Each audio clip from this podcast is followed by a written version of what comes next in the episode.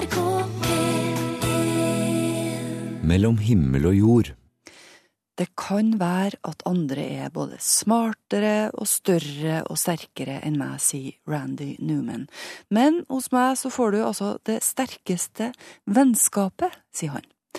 Margrethe Nåvik heter jeg, som kan eh, by på et ukentlig radiovennskap, i det minste, og i dag så skal det handle om hva vi sier i konfirmasjonstalene våre. Og vi skal snakke med ei dame som har forandra på fortida si. Ja, hun mener at eh, det kan vi gjøre gjennom å forandre historien om oss sjøl. Det skal også handle om drømmer som ikke blir oppfylt, og mye, mye mer. Gud har ei mening med alt, sier en del mennesker når forferdelige ting skjer, eller når vi mister noen vi er glad i. Andre syns at et sånt utsagn kan være provoserende, for det vonde kjennes fullstendig meningsløst. Det er mange som har det vondt etter helikopterstyrten på Turøy forrige fredag, da 13 mennesker mista livet. Kollega Siv Fossåskaret hun snakka med Tor Brekkeflat, som er prest, om sorg. Du, vi hører stadig vekk og flere ganger at eh, Gud har en mening med alt. Ja, hvis noen sier høyt at det er mening med dette, så er det i seg sjøl meningsløs ting å si. For jeg finner ingen mening i dette. Men greier du som prest på noen måte å, å finne noe, altså, noe trøst i det? Nei, rett og slett ikke. Eh, Jeg med mange andre går rundt og har vondt i magen og, og syns dette er helt forferdelig. og vi leter etter ordene, vi leter etter å finne en eller annen sammenheng og sette det inn i, men det er jo ikke det. Altså, dette er jo totale meningsløshet, rett og slett. Men når en tror, og slikt skjer, har, har en da lov å bli sint? Definitivt. Eh, Boken, boken vår er jo full av historier om mennesker som adresserer sitt sinne mot Gud, og det får lov å stå der uimotsagt og, og nakent og ærlig, og, og det å ha sinne og bli oppbrakt og, og anklage og bruke Vår Herre som høgestabbe, det er, det er fullt tillatt. Det har folk gjort gjennom alle tider. Kan det hjelpe òg? Ja, Det å få utløp for sinne og frustrasjon og aggresjon i sånne sammenhenger, det er jo selvfølgelig eh, kan også hjelpe. Mm. Kan du òg kjenne på sinne som prest? Ja, det gjør jeg. Jeg kjenner på sinne, for at jeg, eh, i utgangspunktet så har jo jeg en tro, men det å, det å komme trekken med den eh, til mennesker som er i denne situasjonen der de har mer enn nok med seg sjøl, det syns jeg er eh, altså, litt, sånn, litt sånn respektløst eh, i denne fasen å gjøre det. Nå handler det først og fremst om å høre etter og la folk få lov å være der de er. Ja, når du møter folk i sorg, for det har du møtt ofte, Mm. eh, hva er det viktig å gjøre da? Altså når man møter, altså Jeg har jo sjøl eh, møtt enkeltpersoner, mange enkeltpersoner eller familier i, i, i mange forskjellige typer sorg. Uh, og Vi prøver å finne de rette ordene, vi prøver å gjøre de rette tingene. Det som er fellesnevnet for oss alle, at vi kan jo vi, vi klarer ikke å skru klokken tilbake. Altså, De brutale realitetene står der, og de får ikke vi gjort noe med. Uh, men vi kanskje, kanskje vi kan være flinke og gjøre noe med hverandre uh, oppi disse situasjonene. Eh, når jeg har vært eh, på pårørendesenter tidligere i livet eller i møte med mennesker, så, så er jo tilbakemeldingene i ettertid for de vi har møtt, at vi husker ikke hva du sa, vi husker ikke hva du gjorde. Men det vi husker, det var at du var her. Altså, Du satt her, og du, du orket å være med oss. Du tålte det at vi var sint, du tålte at vi gråt.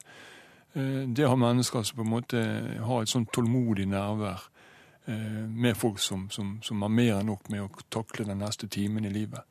Det er på en måte tilbakemeldingene og det som jeg har fått av pårørende i, i ettertid. Er det det- å være der. Ja, og det gir meg en frimodighet til at jeg trenger ikke nødvendigvis finne alt det rette å si, eller gi noen meninger, noe som helst, men, men orke å, å være der. Eh, Det oppleves som, som, eh, som en god støtte for mennesker. Vi har jo på en måte sånn teorikurs om sorg og, og opplevelse av kriser, og det som, det som jeg ser også, det er at det finnes ingen fasit på dette. Folk er så forskjellig laget, ikke sant? Og, og folk takler ting på, på ulikt vis. Men klart det er noen fellesnevnere som handler om sjokk, og som handler om fornektelse, som handler om å få hjelp til å måtte ta inn over seg ja, dette er faktisk eh, virkeligheten. Eh, og så takler vi det på forskjellig vis. Noen blir hyperaktive, og, og, andre får ikke gjort noen ting. og Noen sover, og noen får ikke sove, og noen blir sint, og noen blir irritert. Det er så veldig mange forskjellige handlingsmønstre i dette. Da må vi ha på en måte en slags raushet å si at nå, nå, er vi i en veldig unormal situasjon, og det eneste normale tenker jeg, er at vi er litt unormale. Litt tilbake til det du sa, bare, bare å være der. Ja, rett og slett. Det som ligger meg litt på hjertet oppi i en sånn situasjon, er jo også at det er veldig mange mennesker på utsiden av dette. Det er mange ringer i vannet. Når du opplever sånne nasjonale tragedier, så, så er det masse mennesker som får rippet opp i gamle minner og vonde ting i andre ulykker eller dødsfall eller livssituasjoner. Og jeg tenker så på en måte får sorgen litt sånn gjenopptatt. Og Det største problemet med det er jo den ensomheten eller aleneheten mange kan kjenne på eh, når sånne ting kommer opp. Der du går på kjøpesenter, der du går ut på en travel mandag, og du kjenner at du bærer på dette vanskelig så ikke du vet hvor du skal gjøre av. Så noen ganger skulle jeg ønske at vi kunne montere på sørgebånd eller vise på en eller annen måte at nå, nå har jeg det ikke greit eh, oppi alt. Og, verden ruller på en måte videre, og, og vi får på en måte en påminnelse om de forferdelig vanskelige tingene. Men kan kan vi være til hjelp der? Altså jeg, jeg er jo ikke prest, eller vet, men kan vi vanlige mennesker? Altså Når nå eh, kriseberedskapen trappes ned etter hvert, og, og, på en måte ting skal gå videre, så er det jo vi andre som overtar. Altså, Da, da går jo måtte alle disse hjem på et eller annet tidspunkt. Eh, og da er det vi. Lokalsamfunnet, naboene, venner, familie. Men jeg er litt redd, for jeg veit ikke om jeg gjør ting rett. Jeg vet ikke, Tenk hvis jeg gjør ting verre. Jeg veit ikke helt hva jeg skal gjøre. Det gjør ingenting, i hvert fall det verste, syns jeg. Altså, Vi må ikke være redd for å gjøre feile ting. Vi må bare vise at vi er der i all vår maktesløshet, og, og famle etter beste evne i dette. NRK P1 Har du noen gang tenkt over hva slags fortelling du forteller om deg sjøl? Har du tenkt over hvordan fortellinga om deg sjøl preger livet ditt? Det er Lovlin Rihel Brenna som spør om det her på bloggen sin. Hun sier at du kan velge din egen livshistorie, og at du kan forandre fortida di. Og hun har gjort det sjøl. Vi forteller jo alltid en fortelling om oss selv. Vi har lyst til å fremstille oss selv på en eller annen måte. Og mange ganger så er vi ikke bevisst over hvordan de fortellingene påvirker oss, og påvirker den andre. Vi plukker ut hendelser fra livet vårt, velger fokus og gjenforteller dem sånn. Ikke minst til oss selv. Hvilke hendelser vi trekker fram, og hvordan vi tolker dem, definerer oss. Men dermed kan vi også forandre vår egen historie, mener Lovlin. Og eh, den skrivelyden her, den kommer til å gi mening etter hvert. Vi opplever jo både positive og negative ting i løpet av et helt liv, som består av både topper og daler. Så kan det godt være at, eh, at vi blir hengende fast i det negative litt for lenge, og så trekker vi det frem hver gang vi skal snakke om oss selv. Og så glemmer vi de positive hendelsene, og etter hvert så blir det en del av vår identitet. Offerrolle kan være en slik eh, måte å få fremstille seg selv på at man helt ubevisst eh, har så sterkt fokus på det negative at den andre opplever det som enten som et offer eller som en som bare sutrer og klager. Lovlin Rihel Brenna ble født i India i 1967 og kom til Norge da hun var seks år gammel. I dag jobber hun blant annet med mangfoldsledelse og for å få flere kvinner inn i topplederjobber. Men i 1997 var overskriften hun hadde på sin egen fortelling, denne indisk jente med arrangert ekteskap som ikke fungerte, og utstøtt etter skilsmissen. Andre har sine bølgedaler, som de lar bli sin overskrift. Eh, det kan eksempel være et eh, forhold som ikke fungerer. Det kan være sykdom. Det kan være tap av eh, jobb. Det kan være andre hendelser i barndommen, i ungdomstiden, i det voksne livet som du opplever som negative, som energitappende, som krenkende, som eh, en byrde. Og så blir vi værende i det, eh, den delen av eh, hendelser i livet. Og dermed så kan det være med på å skape en fortelling om det som egentlig er sann, men det blir for sterkt fokus på det negative. Og det kan vi gjøre noe med. Ja, hva kan vi gjøre da? Ja, altså Jeg sjøl har jo vært igjennom en prosess eh, hvor jeg tok et oppgjør med min fortid. Eh, hvor eh, jeg tok ut skilsmisse, og etter skilsmissen så var jeg i en periode utstøtt fra hele det indiske miljøet, fra mine foreldre og alle rundt, rundt meg. Og i begynnelsen så marinerte jeg min elendighet. Jeg syntes utrolig synd på meg sjøl. Og, og, så tenkte jeg også hvordan i all verden kan de svikte meg, hvordan kan de vende meg ryggen? Og, og dyrket eh, denne her ensomheten og elendigheten i, i ganske lang tid. Inntil jeg sjøl begynte å tenke hva fører dette til? Altså, selvmedlidenhet er gift. Hvis jeg fortsetter sånn, så kommer jeg til å gå unna. Så jeg bestemte meg for å gjøre noe med den, eh, dette fokuset som jeg hadde valgt. Eh, utstøtingen var der, sorgen var der, ensomheten var der, men eh, jeg valgte et annet perspektiv. Og i løpet av et års tid så var jo mine foreldre tilbake i mitt liv. Men det som jeg skjønte, det var jo jeg begynte å prøve å se hvor mye tid og hvor mye plass vier jeg folk som tapper meg for energi? Hvor mye plass har de i mitt hode? Hvor mange er det som har bygget rede i mitt hode som egentlig bare eh, gir meg negative følelser og forsterker den eh, utilstrekkeligheten, den eh, negative erfaringen som jeg går og bærer på. Og det er på dette punktet i historien at pennen kommer inn. Alltid penn for Lovlin. Penn forsvinner ikke. Vi kan jo ikke forandre, vi kan ikke eliminere hendelsene i fortiden. Vi kan ikke, hvis det er omsorgssvikt eller hvis det er eh, andre negative hendelsene, det kan vi ikke forandre på. Men måten vi forstår de hendelsene på, måten vi tar de med videre i livet, kan vi forandre på. Det å ikke definere seg selv som taper, men heller tenke hvordan kan jeg lære noe av det som jeg har opplevd, og det er selvfølgelig en eh, tøff læring. Det er en, eh, sikkert en læringsprosess som man kunne ha vært foruten. Men eh, sånn er det ikke. Den er med deg. Den kan du ikke gjøre noe med. Men det du kan gjøre noe med, det er hvordan du tolker dette. Så du kan forandre fortiden i ditt hode ved å trekke frem hva ble min styrke ved å gå gjennom dette. Det blir ikke en styrke ved å tenke at jeg er en taper, men det blir en styrke hvis du tenker vi går igjennom ulike tap, men det er ikke vi som taper.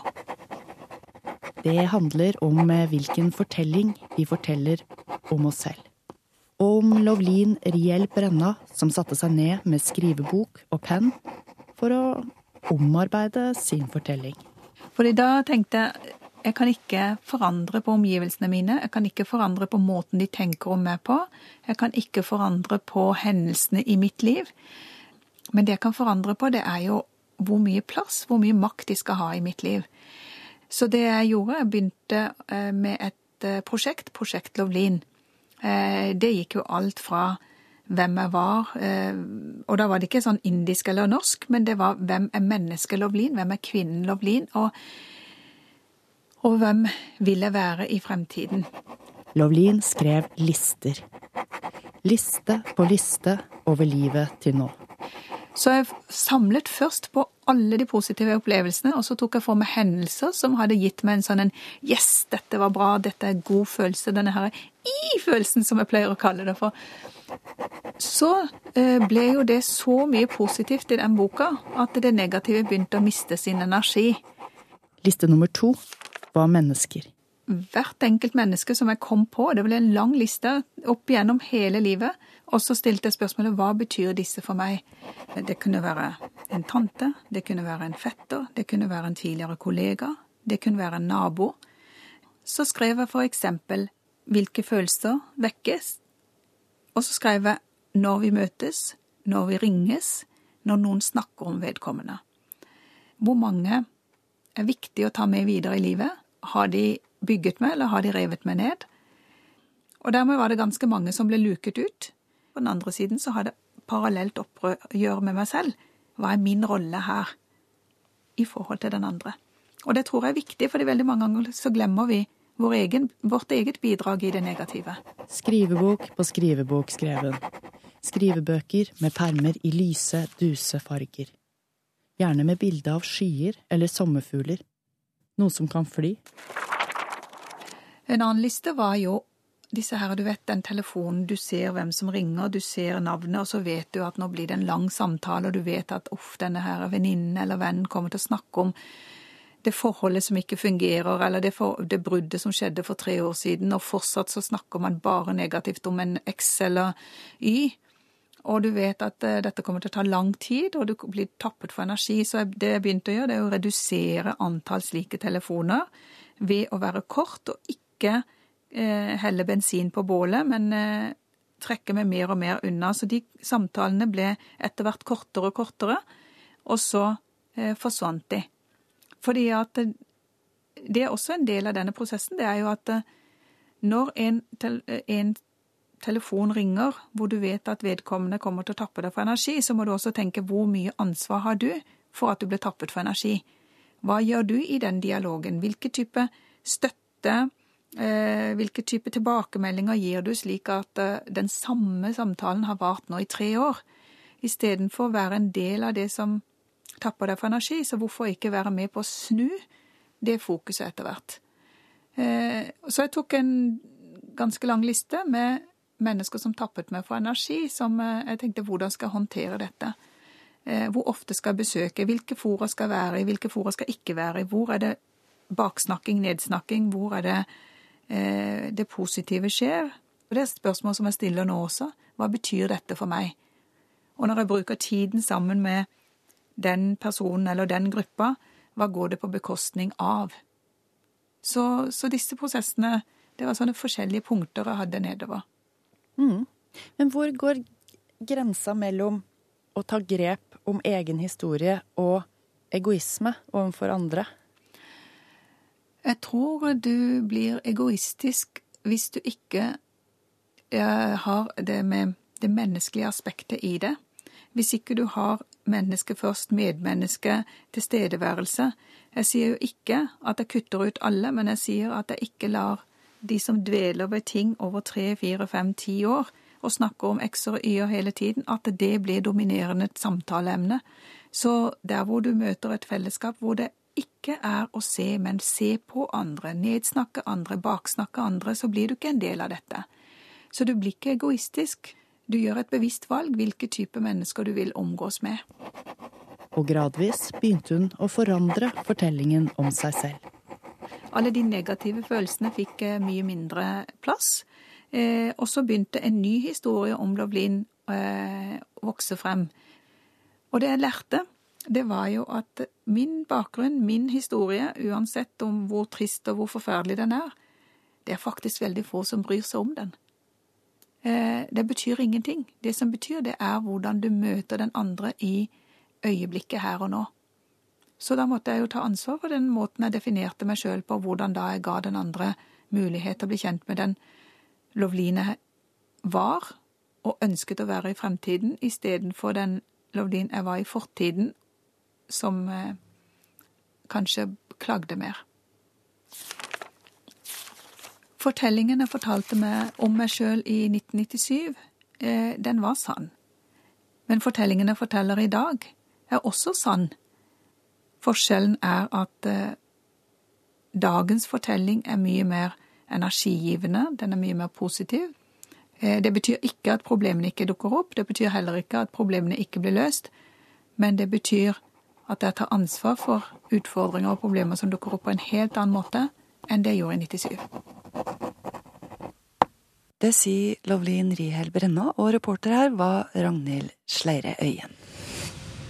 NRK P1 I morgen så er det mange stjernekikkere som lufter haka for å betrakte et sjeldent fenomen på himmelen. Merkur kommer nemlig til å skli sakte over solskiva som en liten svart prikk. Dette vil pågå i sju og en halv time, og det er en stor begivenhet for den som følger med på himmelens bevegelser.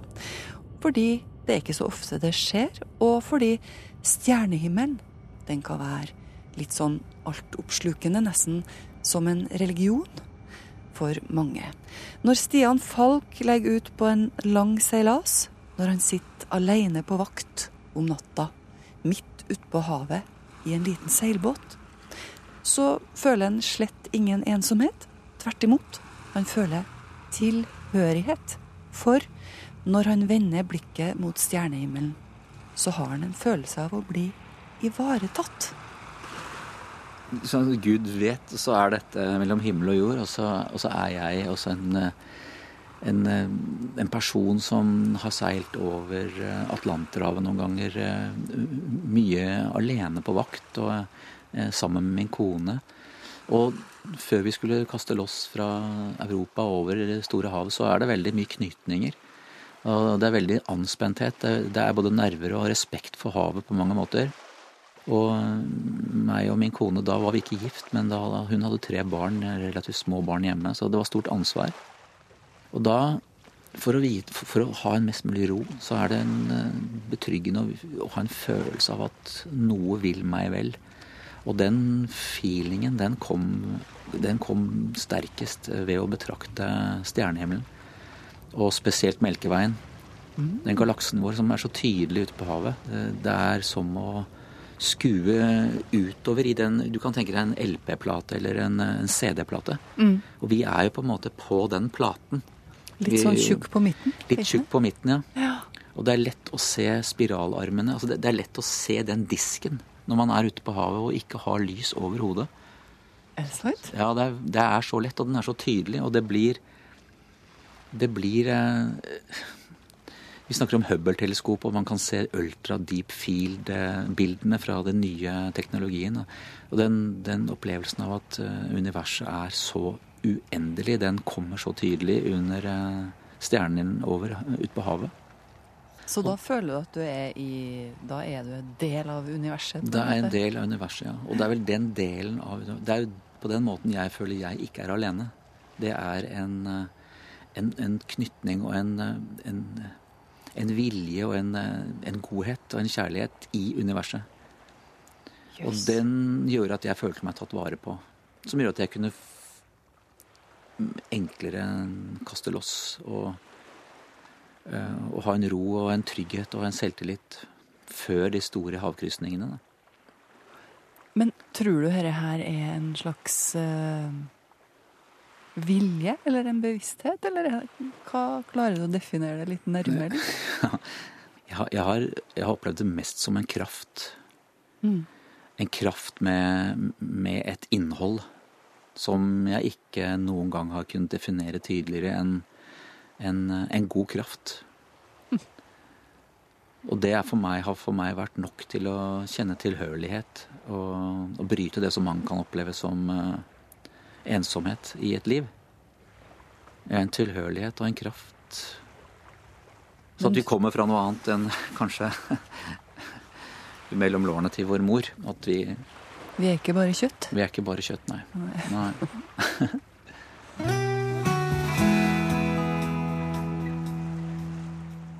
Når Comshine tar en Cole Porter-låt og gjør den til sin, så kan det høres sånn ut. Let's do it. I denne timen så skal vi snakke litt om eh, konfirmasjonstalen. Hva ville du ha sagt til en 14-15-åring hvis du fikk gi ett råd? Vi har spurt folk på gata hva er deres viktigste ord til ungdom på terskelen til voksenlivet. Vi lurer også på hva som skjer med dåpen når man melder seg ut av kirka. Blir den annullert, eller gjelder den fortsatt? Det her skal vi høre om, om litt, men aller først Skam, det er eh, eh, en følelse som sier 'jeg er feil'. Og det er ganske annerledes enn skylden, som sier 'jeg gjorde feil'. Skam, ja. Det er ikke tilfeldig at vi har bedt Gry Stålseth om å komme og snakke om akkurat skam. Ja, jeg er jo på en måte handelsreisende i skyld og skam. ja, Gry hun reiser land og strand rundt og snakker om akkurat det her. For hun kaller skammen vår tids lidelse. Hun sa her at når jeg føler skam, så tenker jeg at jeg er feil. Det typiske for veldig mange som hva de, hva de sier til seg selv når de føler skam. Altså det kan være for eksempel 'ingen kan elske meg', 'jeg er feil', Ehm, jeg våger ikke å, å, vise hvordan jeg har det. Da vil jeg ikke bli akseptert. Ehm, jeg har ikke rett til å leve. Jeg er ikke perfekt, jeg holder ikke mål, jeg er ikke god nok. Ja, det her er jo ikke godt. Man kan jo lure på hva skal vi nå med her skammen? Eh, altså Skam har jo en viktig funksjon i den forstand at den skal fortelle oss på en måte hvor grensene går. Så den sunne skammen eh, gjør at en har respekt for andre og seg selv, at man er fintfølende og viser takt og tone. Ja, At vi ikke invaderer andres intimsoner, at vi ikke krenker noen. Eh, så at vi har kontakt med skammen er kjempeviktig for å kunne regulere vår atferd, både, både, for vår egen del og for andres del. Problemet er når det blir enten for mye eller for lite. Altså enten om man overveldes av skam eller blir skamløs. Så skammen skal vi ha, mener Gry. Men så kan den også bli litt skeiv, da, av ulike grunner. Det kan være at man drasser på noe fra tidlig i livet. Hvis jeg som baby ikke fikk møte andres blikk, for eksempel. Det kan bli trøbbel seinere. Altså at ikke man eh, har øyekontakt tidlig, eh, med mimikk og, og sånn. Eh, så dannes det ikke proteiner i frontallappen hos barnet. Og da blir man mer sårbar for å reagere med skam, har den nevrobiologiske og psykologiske forskningen funnet ut. Så her er det kjemi inne i bildet òg? Her er det mye kjemi inne i bildet. Sånn at jeg bruker å si litt sånn, som en litt kanskje halvdårlig psykologvits, at en som forelsker seg mye i livet, er eh, veldig sulten på proteiner i frontallappen. Så derfor er man opptatt av det nå, ikke minst helsesøstre og i tidlig Eh, som en tidlig intervensjon, at, at unge mødre for eksempel, eller vel så godt voksne, men når man amme barnet, at man ikke sitter med hodet nede i iPaden eller mobilen, men, men har øyekontakt med barnet. Akkurat. Men hvis vi skal ta et sånn konkret eksempel, da. En sånn person som har en eh, mor eller far som sitter med øynene et annet mm. sted, mm. eh, som blir voksen og full av skam. Mm. Eh, hvordan, hvordan virker det på et menneske? Ja, altså det som eh, Det er jo flere ting som skal til, da. Fordi eh, hvis en har senere fått eh, bekreftelse av andre, så kan, den, kan, de proteinene starte igjen i frontallappen, for å si det sånn. Mm. Sånn at noe som, som rammes i relasjon, kan også heles. Men hvis man da i tillegg har samtidsskammen som er en stor utfordring i vår tid, hvor vi skal jakte på å være perfekte og vi føler oss utilstrekkelige, så innebærer at eh, mange er sårbare i sin selvfølelse. Eh, ja, tør ikke våge frem og ta ord i mange sammenhenger. Vanskelig å være selvhevdende, f.eks. for eksempel. Så øyekontakt og mimikk, kjempeviktig. Men hørte du hva hun sa inni der? Samtidsskammen som er en stor utfordring i vår tid. Samtidsskammen, sa hun. For Gry Stålseth, hun mener at det mest skammelige i vår tid er å ikke framstå lykkelig og perfekt. For eksempel hvis man hadde lagt ut et bilde på Instagram og bare fikk såkalt 50 likes, mm. så, så, tar man det vekk igjen og skammer seg. Det er ikke bra nok. Eh, eller at noen tar bilde av seg og legger ut på Instagram om morgenen, eh, og så liker man ikke selv det bildet man har lagt ut, så går man ikke på skolen. Altså man blir på en måte identitetsmarkørene, altså det som man presenterer der ute blir identiteten, og da blir det veldig sårbart hvis man ikke treffer helt perfekt. Men vi kan ha det i det er ikke bare den yngre generasjonen og i den digitale verden, men også i, i prestasjonskulturer ellers i den voksne generasjon, mediebransjen eksempel. La oss si at ens TV-produksjon eller det man har bidratt med for terningkast to eller tre, og man har jobbet med det veldig lenge med stort budsjett, mm. så er det jo noen fortellinger innenfra som sier noe om at da øker sykemeldingene. Eh, og det, det sier jo noe om eh, at man blir jobben. Altså jeg er prosjektet mitt. Nederlag for prosjektet er nederlag for meg. Og alt det her, sier Gry, bunner i at vi ikke aksepterer sårbarhet, at vi ikke er på topp hele tida. Noen ganger får vi til mye, noen ganger får vi til ingenting eller lite. Eh, altså hvis ikke vi har en sånn aksept for det slingringsmonnet eh, i forhold til oss selv, da, at vi kan være nærtagende en dag og, og mer tøff en annen dag, mm. så, så, blir vi jo mindre robuste når, når vi da mislykkes eller ikke får ting til. Da blir det en mye større sak. Ja, sånn er det. Men hva gjør vi med det, da? Hvor gjør vi av den her skammen som vi ikke trenger? Gry har noen gode råd, for eksempel. Det er det jeg tror de andre tenker om meg, som utløser skam. Så derfor, sjekk ut er det riktig at de andre tenker det jeg tror om meg.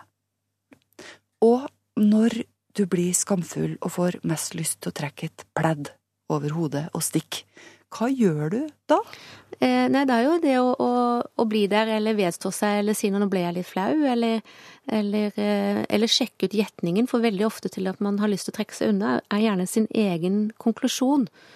Altså at man tror at de andre syns man er dum. Mm. Eller at de andre tenker noe at du så teit hun er, eller han er.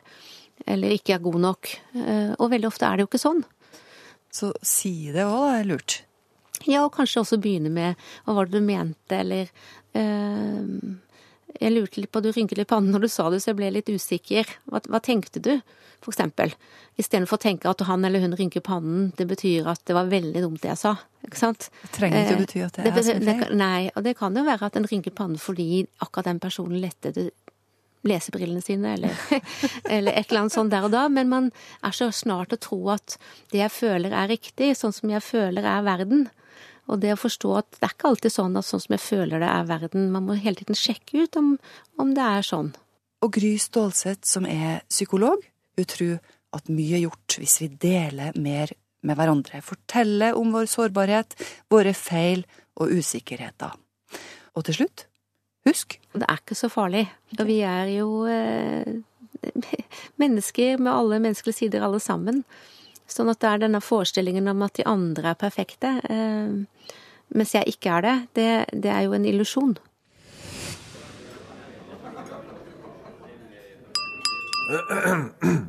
Um, kjære konfirmant.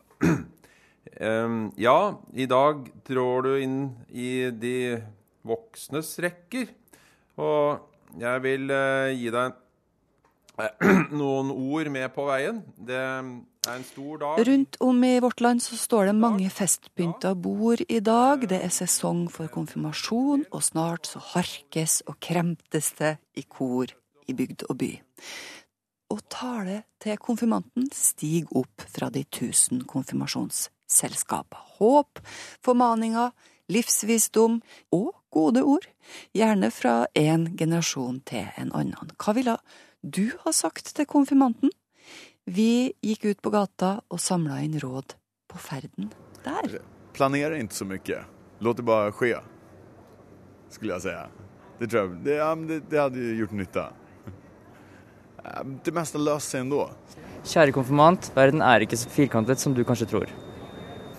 Mye Nei, det er så vanskelig. Utrolig vanskelig. Jeg var, så, jeg var, ikke så, flink på skolen, jeg. På refleksjon og sånn her. Eh... Det meste løser seg ennå. Kjære konfirmant, bare vent til de rette personene kommer inn i livet ditt og ser hvor bra du er. Om ikke du kanskje føler at noen syns det akkurat nå. Så ordner seg alt til slutt. Gi litt F i hva andre syns. Og liksom bare ha det bra med meg sjøl. Det, det er i hvert fall noe jeg har lært meg til. Jeg var ganske opptatt av hva andre tenkte om meg når jeg var i konfirmasjonsalder. Nå så driter jeg litt i det, og det gjør at jeg er blitt et mye lykkeligere menneske da, som 40-åring enn hva, hva, jeg var som 15-åring. Eh, Ikke anstreng deg for å bli godtatt av noen. Ikke ha det for travelt med å bli voksen. Det må ta seg tida til å være ung og dum. Og så kommer voksenlivet fort nok. Slapp litt av. Det er ikke så viktig å alltid være 100% hele tiden. Det går fint å slappe av, rett og slett. Vær forsiktig med one night stands. Der kan det komme unger ut av. Prakteksempel der. Du er det? Ja. Um, Bruk penger du ikke har på noe dumt. Vær litt irrasjonell av og til. uh, farmor sa at det var viktig å tørke, tørke seg mellom tærne. Fordi da holdt man seg frisk. Ja. Men har du fulgt dette med å tørke deg mellom tærne? Slurva litt innimellom. Ikke lat som det er noen andre. Sant? Den tror jeg er veldig viktig. Enig? Ja, bra. Ikke bruk opp all grininga på første kjærlighetssorg. Det kommer vanvittig mange flere. Bestemora mi sa bestandig 'gift deg rik'. Så ja, det har ikke skjedd ennå, for å si det sånn. Er det et råd du vil gi videre? Altså, det blir jo en lettere hverdag, men det er jo sikkert ikke så koselig, da. Du kan ikke bare gifte deg for å gifte deg, liksom. Det er jo viktig å, hvis du, du sliter både psykisk og, og sånn, at du, du er åpen. Depresjon og angst og Hvis det er noe, ikke vær redd for å si ifra til noen. Hvis du bare går og holder inn, så blir jeg bare verre. Det blir aldri bedre av seg sjøl. Blir det ikke? Det er ingen som biter deg i hodet for om du spør om noe råd eller trenger hjelp til noe. Jeg kunne angre på det at ikke var mer med øh, de gamle? Jeg skulle til å si sånn bestemor og bestefar og sånne ting. Det angrer jeg kanskje på en dag i dag. Det er mye ting som jeg kunne ha hørt om som du lurer på i dag, som du ikke tenkte på den gangen. Hvis du møter noen som er interessante, så øh, hvorfor ikke? det er ikke feil å ha øh, få en del erfaringer, da, både positive og negative. Det er en del av livet, det også. Og øh, bare gjør det du føler for, og, uten hemninger, da. Pass på tennene, ikke begynn å røyke. Men ikke flytte sammen etter to-tre måneder. Ikke bra. Ja, forrige på epleslang, vet du. Eller jordbærslang, eller et eller annet. Som er litt galt, sant. Kjenn på den følelsen at nå har du gjort noe galt. Det tror jeg er smart. Så ordner seg alt til slutt. I min erfarenhet. Det er hardt å være fjortis, men slapp av, det blir bedre. Nei, nei. jeg vet ikke heller. Ja, ord til ungdommen fra folk flest, og reporter var Ragnhild Sleire Øyen. Hva skjer når du melder deg ut av statskirka? Hva er dåpsritualet verdt? Blir det nulla ut, på en måte? For noen uker siden så hadde vi besøk av Kristin Gunnleiksrud Råum og Håkon Gunnleiksrud her hos oss. Kristin var nyvalgt leder av Kirkerådet, og Håkon han sitter i sentralstyret i Humanistisk Ungdom. Håkon har altså vokst opp i et eh, kristent hjem, og han ble døpt da han var baby. Hvordan ser mor og sønn på det her med dåp nå? Er Håkon fortsatt kristen på en måte, fordi han er døpt, selv om han nå står i Human-Etisk Forbund? Aller først, Håkon forteller om da han meldte seg ut. Jeg var vel eh, 16, kanskje hadde fylt 17. Jeg fylte ut et utmeldingsskjema som jeg fant på kirken.no. Og printet ut det, fylte det inn og leverte i postkassen til det lokale kirkekontoret. Eh, Jeg var- litt glad for at eh, det var stengt da, sånn at eh, de jeg kjente fra kirkekontoret fra før av, ikke så meg legge den i postkassa. Ikke at jeg tror det hadde blitt noe konflikt, men det var litt litt eh, behagelig at det var en beslutning jeg kunne ta selv, Mm. uten at andre så ned i nakken på meg. Jeg følte meg fri til å ta de valgene som virket mest riktig for meg, og har bare gode ord å si om det. Eh, Og da jeg meldte meg ut, så var det jo litt Det var litt merkelig, både på en god og en litt vond måte. Og god måte fordi jeg følte at nå hadde jeg tatt et eget valg. Nå hadde jeg blitt den personen jeg ønsket å være, og tatt et viktig steg i å finne min egen identitet. Men samtidig føltes det jo litt sårt i at den personen som jeg hadde vært store deler av livet mitt, og den personen som eh, jeg hadde blitt sammen med, moren min, eh, trodde på noe som jeg ikke trodde eksisterer lenger. At noe som jeg hadde brukt så som, som hadde vært så stor del av livet mitt, at det ikke fantes mer. Så det var litt uh, bittersøtt. Så kom jeg hjem og kjente da på den følelsen som jeg beskrev i sted. Og så fikk jeg en stund senere en uh, utmeldingsattest som uh, var da ganske symbolsk for nå er uh, skillet gjort. Nå er jeg ikke, eller sånn offisielt, ikke kristen mer, på en måte. Dette spørsmålet har du sikkert fått mange ganger før, Kristin, men det som skjer når man melder seg ut av statskirka, eh, annullerer du dåpen, på en måte? Eller hva, hva skjer? Nei. Eh, dåpen kan jo ikke annulleres. Så hvis Håkon på et tidspunkt skulle finne det riktig å melde seg inn i Den norske kirke, så er han døpt. Den Mm. norske kirke tror ikke på gjendåp eller at eh, dåpen blir ugyldig. Eh, Håkon er døpt og vil alltid være døpt. Eh, men han er ikke medlem av trossamfunnet Den norske kirke. Nei. Det som sies i dåpsritualet, er vel at vi forenes med Mm. Jesus Kristus til et nytt liv. Er det Mhm. sånn? Ja. Eh, hvordan funker det nå, sånn teologisk? Nei, si det. Um, altså, jeg tenker på Håkon, da. Ja. Mm. Eh, det har jeg ikke reflektert veldig mye over. Eh, også fordi at eh, å snakke om det er veldig krevende. For eh, jeg eh, tror jo på at eh, dåpen er en realitet, og at eh, Gud i dåpen ga Håkon sin nåde. Og den er jo ikke tatt tilbake. Men jeg vil ikke snakke om dette på en måte som gjør eh, Som virker invaderende på Håkon, eller at jeg da ikke respekterer eh, hans standpunkt. Eh, altså Hvis jeg sa noe sånn som at ja, men eh, du, er, du er jo døpt, så du er fortsatt kristen, du bare vet ikke selv. Altså Det, det blir litt sånn nedlatende fort. Men jeg tror jo som sagt på dåpens realitet. Og det er fordi jeg tror at det er nok å bli døpt. Dåpen handler ikke om å prestere noe trosmessig eller noe moralsk. Dåpen handler om å, eh, at Gud gir sin nåde.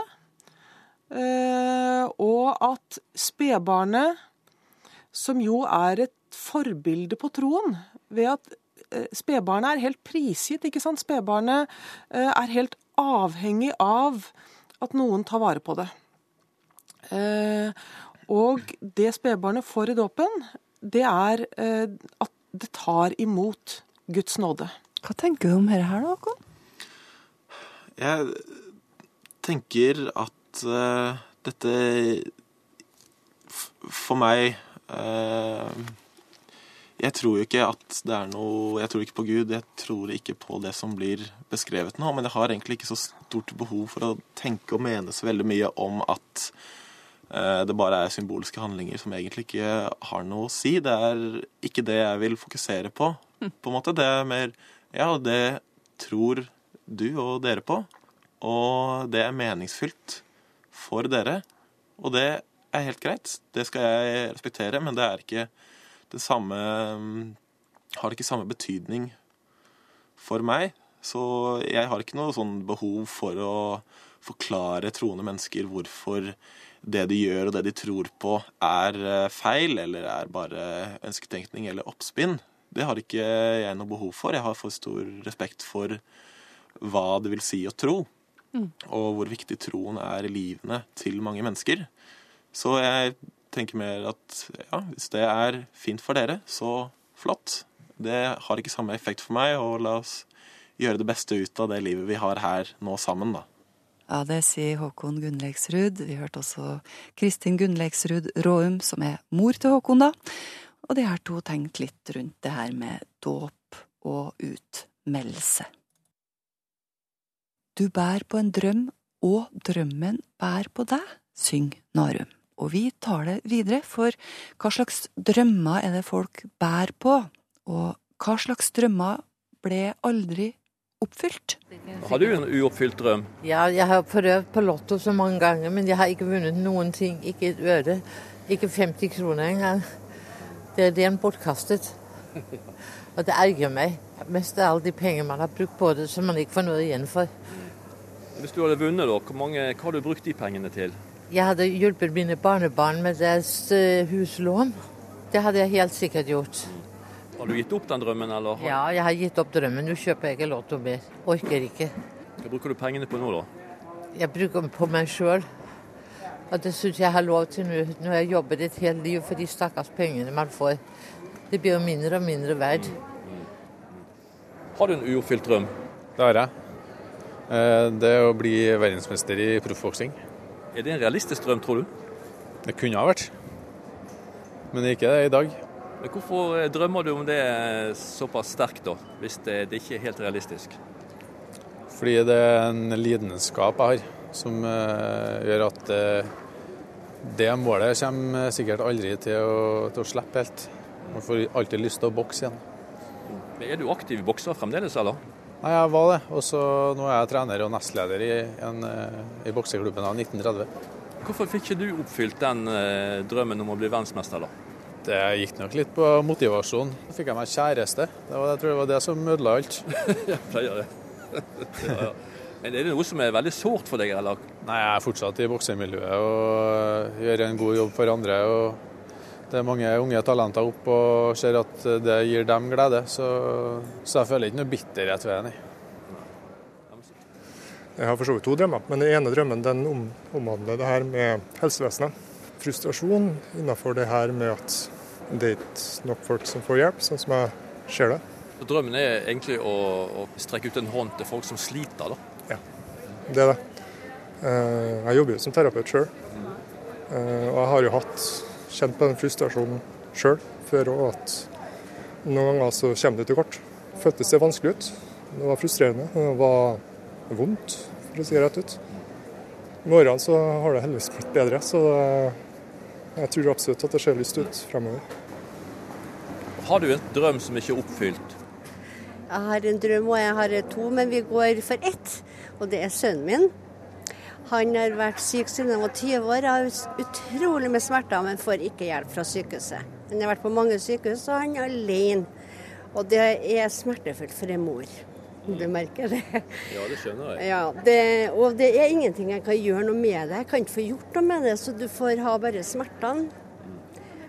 Og så er det at ved det at mora er så dårlig av det, så er jeg oppe og går og sånn, men det er ingen som ser det utenpå meg. At jeg, for hver dag som går, da, så tenker en ja. Og så våkner hun neste morgen, det skal en jo være glad for og kan stå opp og sånn, men men eh, smertene i kroppen de går aldri bort, så dem må du lære deg å leve med. Men det verden, det er så mange som har det sånn. Nå har det enda verre enn meg. altså. Så, men altså, når du spør om en drøm, så må jeg bare si det som personlig. At jeg drømmer ikke om penger, jeg drømmer ikke om noe, jeg drømmer om bedre helse. Til sønnen min og til meg til slutt. Det er litt rart, for når du kom gående her nå, så eh, tenkte jeg at der kommer en eh, flott, eh, fin kvinne som ikke har noen problemer. Du tenkte det, ja. Men når jeg har vært nede i store daler og klarer å komme opp igjen For jeg har merka så mye at hverdagene Jeg har sagt det til mannen min, hverdagene kan bestå av sånne små ting som blir så stort.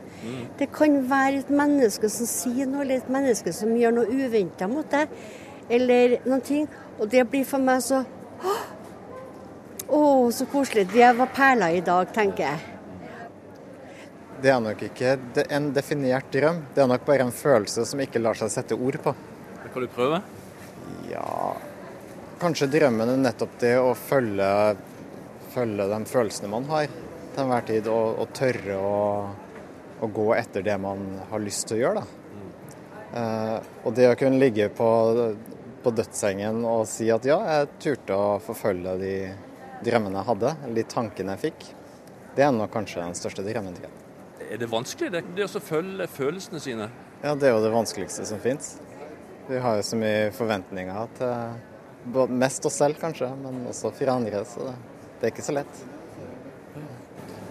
Det var drøm én. Du sa du hadde to drømmer. Men den er veldig enkel. Eh, at det, er, det er drømmen om å ha egen familie.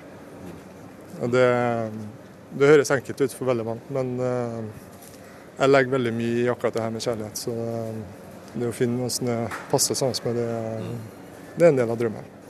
Jeg tror du får oppfylt den drømmen, jeg. Jo, takk for det. Det har vært ganske stort. Ja, Vi henger oss på vår reporter Ove Gundersen og ønsker denne mannen all lykke i jakten på kjærligheten. Vi spiller ikke mer før neste søndag, men eh, vi er nå her og tar gjerne imot spark på leggen eller klapp på skuldra på e-postadresse himmel og jord krøllalfa nrk.no. Vi har også ei Facebook-side som heter NRK Livet. Der finner du mange fine historier om folk, og du kan nå oss der.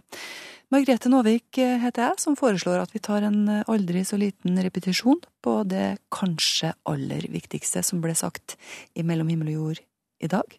Ha en riktig fin søndag. Det er ikke så farlig.